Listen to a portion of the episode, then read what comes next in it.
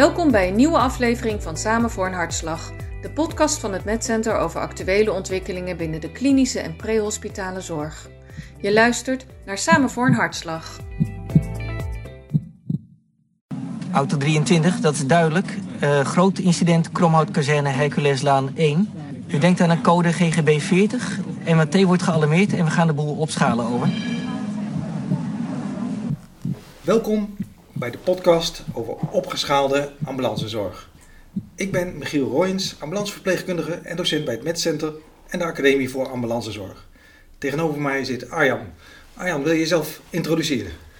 Zeker wel. Uh, dank voor de uitnodiging. Ik ben Arjan de Kreek. Ik heb een uitgebreide achtergrond binnen de ambulancehulpverlening als ambulanceverpleegkundige en verpleegkundige specialist acute zorg. En ik zit hier uh, vanuit mijn rol bij Ambulancezorg Nederland, waar ik de portefeuille opgeschaalde ambulancezorg beheer. Dankjewel. Um, nou, om het gesprek maar te openen, Arjan. Uh, het protocol grootschalig incident. Ik heb hem nog eens doorgelezen voor, voor deze podcast. Ik vind hem ingewikkeld. Ja, dat kan ik me voorstellen dat dat zo is, of dat je dat zo, uh, zo ervaart. Opgeschaalde zorg is natuurlijk niet iets wat we elke dag uh, tegenkomen. Um, opgeschaalde ambulancezorg uh, is ook breder dan alleen maar dat. En eigenlijk moeten we dat zien binnen het model grootschalige geneeskundige bijstand. En dat model beschrijft eigenlijk de geneeskundige hulpverlening bij grote incidenten en de rol van de opgeschaalde ambulancezorg daarin. Okay. binnen dat model werken we dan samen met uh, uh, MMT's, met het Rode Kruis en met de GOE. Nou, dat is mooi. Dank je voor, voor de, deze brug, hè, want dat is eigenlijk het doel van de podcast. Deze eerste, in ieder geval van deze serie, is om de organisatie van die grootschalige geneeskundige bijstand uh, zeg maar, toe te lichten. Hè, om daar wat verdieping in te zoeken. Wat is nou eigenlijk het doel van die grootschalige geneeskundige bijstand? Ja, het doel is eigenlijk heel simpel. Het, het, doel van GGB of opschaalde ambulancezorg is het zo snel mogelijk vervoeren van ernstig gewonde slachtoffers naar een ziekenhuis. Punt. Maar deden we dat niet altijd al dan? Nou, binnen opgeschaalde ambulancezorg of grootschalige hulpverlening eh, deden we dat eigenlijk niet. Uh, dit model GGB dat kennen we eigenlijk pas vanaf 2016. En in de periode daarvoor hadden we als idee dat we slachtoffers moesten verzamelen. Daar bliezen we dan een grote tent voor op. Daar gingen de T1 en de T2 naar binnen. Die gingen we daar vervolgens stabiliseren, behandelen. En als we daarmee klaar uh, waren, dan vervoerden we ze naar het ziekenhuis eigenlijk zeg jij, als ik het goed hoor, van joh, we gingen eerst behandelen op straat en daarna vervoeren. Maar wat is daar eigenlijk mis mee? Nou, we weten uit, eh, uit recente gebeurtenissen, neem bijvoorbeeld de Turkish Airlines eh, crash, dat we als sector best goed zijn in het in korte tijd op, op de been brengen van veel ambulances. En daar uh, kunnen we gebruik van maken door met name de groep ernstig gewonde slachtoffers eigenlijk gewoon uh, uh, op te pakken en mee te nemen naar een ziekenhuis. Daarmee niet zeggende dat we een soort van scoop en run gaan, uh, gaan doen. Want we kunnen natuurlijk onderweg heel veel. Maar we willen weg van het uitgebreid behandelen ter plaatse. Akkoord. En dat kan als we voldoende capaciteit op de plek van de incident krijgen. Dus handelen in het belang van de patiënt zo snel mogelijk brengen op de juiste plaats ja. van het slachtoffer. Ja. Um, nou, ik heb begrepen van het protocol dat het landelijk georganiseerd is. Hè, dat we elkaar als er ergens in het land iets gebeurt kunnen helpen. En dat we dan snel ter plaatse komen. Dus ik moet dan zaken doen met mensen die ik niet ken. Ja, dat klopt. En, en dat is nou het mooie van dit model. Het is eigenlijk gewoon vergelijkbaar met uh, ons landelijk protocol. Uh, opgeschaalde ambulancezorg is van Groningen tot Maastricht gewoon hetzelfde geregeld. Uh, in de basis is het allemaal hetzelfde. Dezelfde taal, dezelfde uitgangspunten. en daarvoor gebruiken we natuurlijk de taakkaarten die iedereen wel, wel kent. En die taakkaarten, daar staan de verschillende rollen op beschreven. en, die, en die verschillen eigenlijk niet per regio. Akkoord. Um, Arjan, ik heb nog wel een vraagje. Ik zit, zit een beetje mee. Het doel van deze podcast is zeg maar het, het duidelijk maken van de organisatie wat er gebeurt bij een grootschalige geneeskundige bijstand. Dus een, een inzet met meerdere slachtoffers. Um, vind je het oké okay als we dat aan de hand van een voorbeeld gaan uitwerken? Ja, prima idee. Oké. Okay. Nou, ik stel me voor dat er een, een groot incident is. Twee bussen op elkaar op de A2 en uh, iemand in de auto rijdt er voorbij en die ziet een heleboel mensen liggen en in die bus en het ziet er erg uit, dus die belt. Wat gaat er vervolgens gebeuren? Nou, diegene komt natuurlijk uit bij de, bij de meldkamer ambulancezorg, bij een centralist. En die centralist die probeert op basis van het beeld dat hij krijgt, of hij of zij krijgt, een inschatting te maken van het aantal slachtoffers op de plaats van zijn incident. Ehm, door het stellen van, van vragen en gebruik te maken van het uitvraagprotocol. Cruciale rol dus in, in de grootschalige geneeskundige bijstand. Jazeker, hier begint het allemaal, uh, hier begint het echt allemaal mee. En die centralist die probeert dat natuurlijk zo goed mogelijk te doen. En stel dat die centralist nou de inschatting maakt, nou ik heb tussen de 30 en de 40 slachtoffers. Dan correspondeert dat met uh, een, een, code 30, daar hebben we aan de voorkant over nagedacht. En met uh, het afgeven of het uitgeven van een code 30, eigenlijk gewoon een druk op de knop, is er een standaard alarmering. betekent een bepaalde hoeveelheid ambulances, uh, MMT's. Kunnen we die voorbeeld eens beetpakken? Die, als je zegt de code 30, ja. dus dat betekent dus de 30 en 40 slachtoffers. Ja. Die centralist drukt op die knop. Ja. En dan? 16 ambulances worden er dan uh, uh, gevraagd. Een calamiteitenteam van de RFV, een noodhulpteam van het Rode Kruis, twee MMT's, twee OVDG'en. De meldkamer schaalt uh, intern uh, op. Uh, er wordt een grip 1 afgegeven. dat is een multidisciplinaire opschaling, dat laatste wat ik noem. Oké, okay, je noemt nu een heleboel termen, hè? Ja. Dat gaat me een beetje duizelen. Nou, ik, volgens, ik, mij is, volgens mij komen we daarin in, in, de, in de serie ongetwijfeld al die rollen nog terug. Nou ja, we hebben inderdaad het plan gemaakt om bij die diverse rollen ook echt stil te gaan staan. Oké, wat betekent dan als ik deze en deze rol krijg? Maar we willen nu vooral hebben over de organisatie. Dus jij zegt code 30 is ingegeven. Er komen 16 ambulances, een OVDG en een mobiel medisch team, zeg je. En, en een calamiteitenteam. Ja, daar moeten we ook even bij stilstaan wat het allemaal is. Maar uh, dat wordt allemaal gewaarschuwd met één druk op de knop. Mm -hmm, klopt. Nou, vervolgens gaat die ambulance rijden.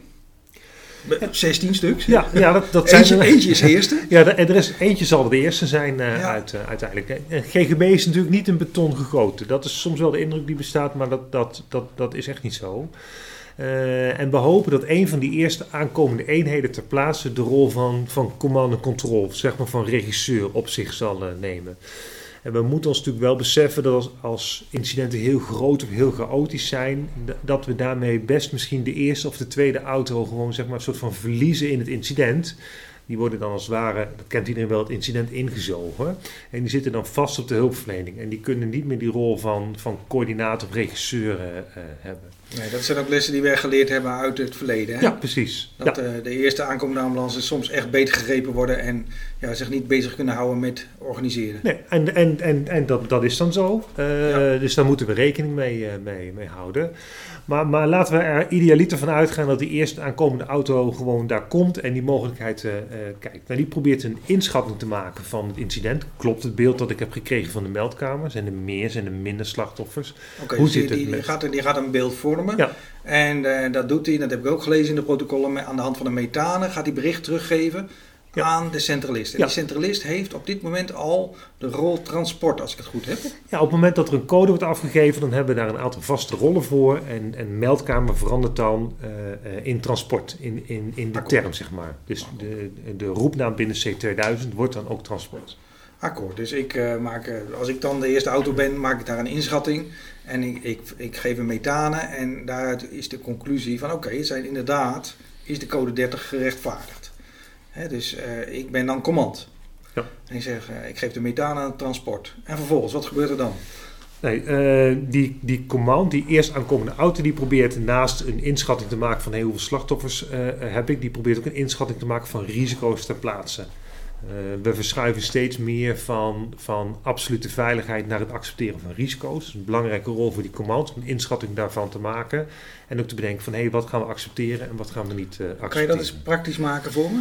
Inschatten van risico's? Ja, we, we kunnen natuurlijk zeggen op een, uh, op, op een snelweg, uh, waar bijvoorbeeld rijbanen zijn, zijn afgekruist. Dan kun je zeggen, rijbanen zijn afgekruist, daar gaat geen verkeer over rijden. Maar we weten allemaal dat mensen rode kruis kunnen negeren. Uh, en en uh, het risico dat ons niet overkomt bij een afgekruiste baan is, is kleiner als dat hij niet is afgekruist. Maar dat betekent niet dat het risico helemaal weg is. Akkoord. Dus, dus ik probeer vooral te zeggen dat de, de, de term absolute veiligheid uh, niet op zijn plek is, maar meer het inschatten van risico's. Oké, okay, dus die command die gaat dus methanen geven en die maakt een inschatting van de risico's ter ja. plaatse. Wat gaan we accepteren en wat, en wat, en wat niet en waar heb ik een andere voor nodig om daar iets mee te doen. Bijvoorbeeld okay. brandweer en politie. Dus in dit voorval uh, gaat de command gaat banen laten afkruisen en die gaat aan de politie vragen zorg voor mijn veiligheid. Ja, precies, dat klopt. Uh, methaan is gegeven, de code 30 is ingedrukt, hè, dat was al ingedrukt. En wat gaat er dan doen? Wat gaat mijn collega ambulancechauffeur doen? Nou, de chauffeur die heeft een hele belangrijke rol als het gaat om de bereikbaarheid uh, van zo'n uh, van zo'n incident. Er komen natuurlijk veel ambulances op, uh, op af, maar ook MMT, noodhulp en, en calamiteitsvoertuig. Dat betekent dat er veel gele voertuigen komen. Die moeten natuurlijk ergens staan op de plek van een incident, op een zogenaamd ambulancestation. En we moeten natuurlijk zeker weten dat de aan- en afvoerroutes vrij zijn. Nou, dat is een verantwoordelijkheid van de politie, maar de chauffeur die heeft als rol, als taak om het ambulancestation in te richten en ervoor te zorgen, in afstemming met de politie, dat die aan- en afvoerroutes geregeld zijn. Oh, wacht even, nieuwe term, ambulancestation. Ja. Wat bedoel je daar precies mee? Nou, het is gewoon de plek waar je ambulances neer, uh, neerzet. Uh, oh, al die volgende die nu aankomen rijden, ja. eigenlijk tegelijkertijd al bijna. Ja, die moeten ergens gaan, uh, gaan staan, die moeten opgevangen worden en dat doet de chauffeur. Oké. Okay. Nou, ik was eerst de auto. Ik heb mezelf command genoemd. En ondertussen zijn auto 2, 3, 4 en 5 ook al ter plaatse. Uh, nou, in het kader van jouw gedachten, uh, van de algemene gedachte eigenlijk, we moeten zo snel mogelijk vervoeren, ga ik die dus uh, patiënten laten vervoeren. Ja, zeker, dat is, dat is de bedoeling. En dan hebben we natuurlijk wel een auto, nog een eenheid die je moet bepalen, maar wie gaat er nu als eerste weg? Ah, zo, ja, dus we hebben wel triage. triage. Ja. ja. Dus we krijgen een tweede rol, die heet, of een derde rol eigenlijk al, want we hadden al transport, vervolgens command en nu triage. En die triage gaat kijken, nou die meneer of mevrouw die kan nog even wachten. En die meneer of mevrouw die moet echt nu, uh, nu weg. En die kan op basis van die triage uh, ambulances vragen aan de chauffeur command uh, om te gaan vervoeren. Akkoord is mij duidelijk. Hè? Dus uh, die triage die gaat kijken van u bent ernstig gewond, u bent minder ernstig gewond en u bent heel licht gewond. Ja. En u hoeft uh, misschien niet vervoerd te worden. Ja, en zo gaan we het organiseren. Ja. Um, helder. Um, en dan komt de OVDG inmiddels te plaatsen.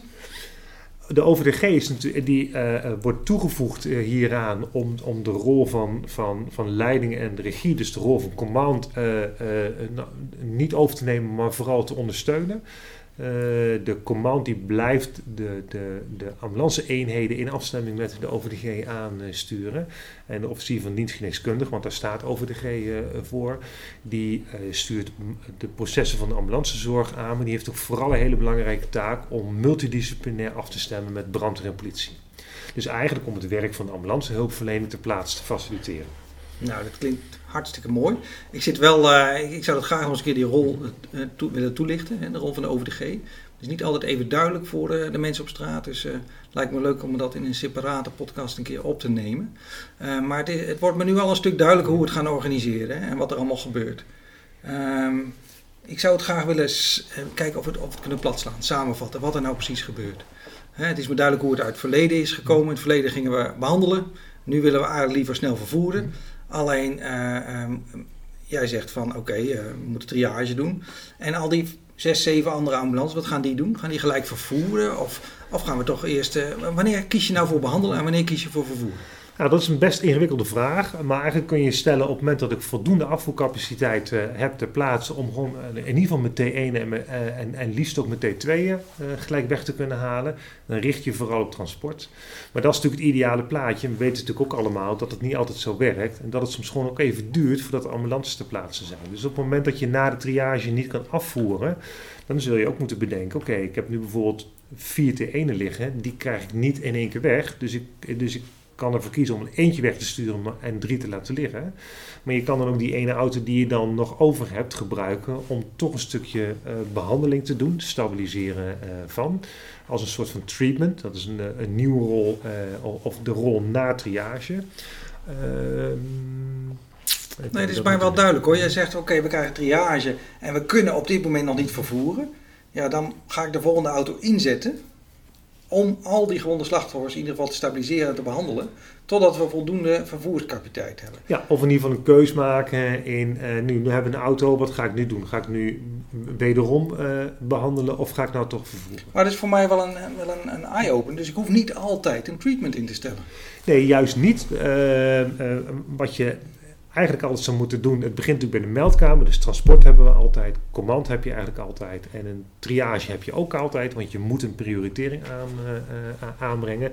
Maar dan is het een keuze. Wat ga ik doen? Ga ik nu inzetten op vervoer of ga ik inzetten op treatment of, of combineer ik het? Dan hangt puur van de capaciteit af die ik heb. Absoluut. Het liefst zou ik zo snel mogelijk vervoeren. Kan ik dat niet, dan moet ik ook een treatment instellen. Ja, en dan komen we weer terug op het belang van die, van die meldkamercentralist om een, om, een, om een juiste inschatting uh, te kunnen maken, die liefst te hoog is dan uh, te laag. Ja, eh, liever meer als minder vervoerscapaciteit ja. is mij helemaal duidelijk. Ja. Ja.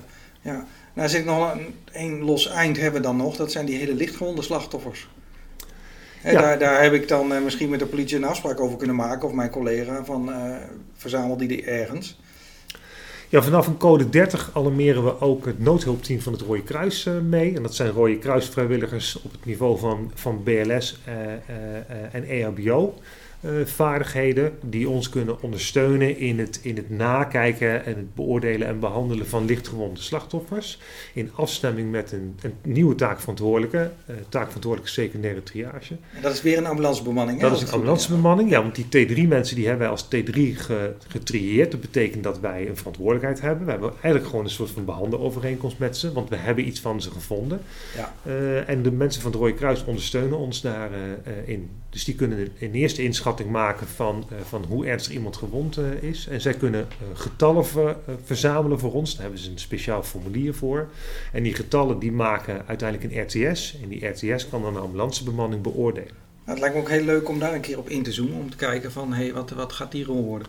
Het is mij goed deels duidelijk geworden. Ik heb je alleen nog één term horen noemen die we nog niet hebben behandeld. Dat is het calamiteitenvoertuig.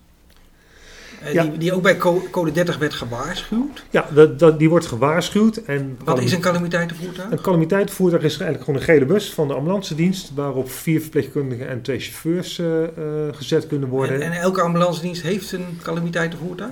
Die zijn verdeeld over het, over het land. En nagenoeg elke RV heeft een calamiteitenvoertuig. Daar is een alarmeringssysteem voor. Dat is een intern proces van de, van de RV. En het calamiteitenvoertuig heeft tot doel om toch behandelcapaciteit ter plaatse te kunnen brengen. eh, eh, als er geen voldoende afvoercapaciteit of vervoerscapaciteit is.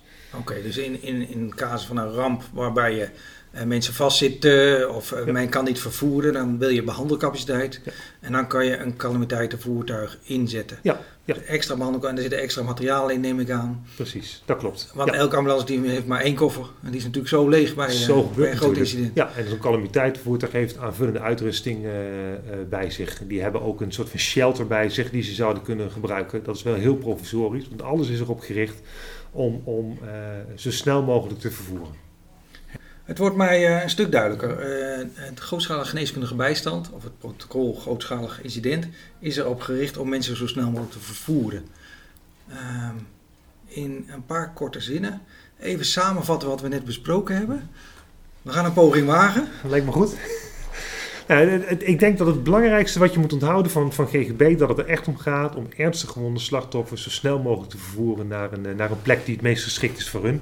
En een, een, een ziekenhuis eh, daar, eh, daarmee. Ik denk dat alles wat je doet binnen GGB, dat het voornaamste uitgangspunt is. Het hoofddoel. Ja. Dat is het hoofddoel. We hebben een aantal vaste rollen. Dat is de eh, transport, zeker de, de meldkamer. meldkamer, ja We hebben de commando-controlrol, de eerst aankomende eenheid. En we hebben de, de, degene die de triage uitvoert. Dus idealiter de tweede auto. Ja. Eh, maar het kan minder idealiter ook gewoon de tweede of de derde Ja. zijn. We kunnen ervoor kiezen om een treatment in te stellen, heb je verteld. Hè? Absoluut. Ja. Als we geen eh, afvoercapaciteit hebben. Ja.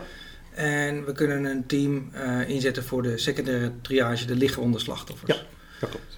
En de OVD gaat eh, ondersteunen en leiding geven binnen dit, geheel. Ja, die heeft een, eh, een verantwoordelijkheid naar de ambulancezorg toe. Laten we zeggen monodisciplinair. En die heeft ook een rol naar de multipartners brandweer en politie en bevolkingszorg. Dat is dan een multidisciplinaire afstemming. Arjan, dankjewel voor deze podcast. Ik kijk er naar uit om de andere rollen toe te lichten met nieuwe podcasts. En daar echt in te zoomen op die specifieke rollen binnen de grootschalige geneeskundige bijstand. Dankjewel. Dankjewel. Dit was een aflevering van Samen voor een Hartslag. Volg ons op Spotify.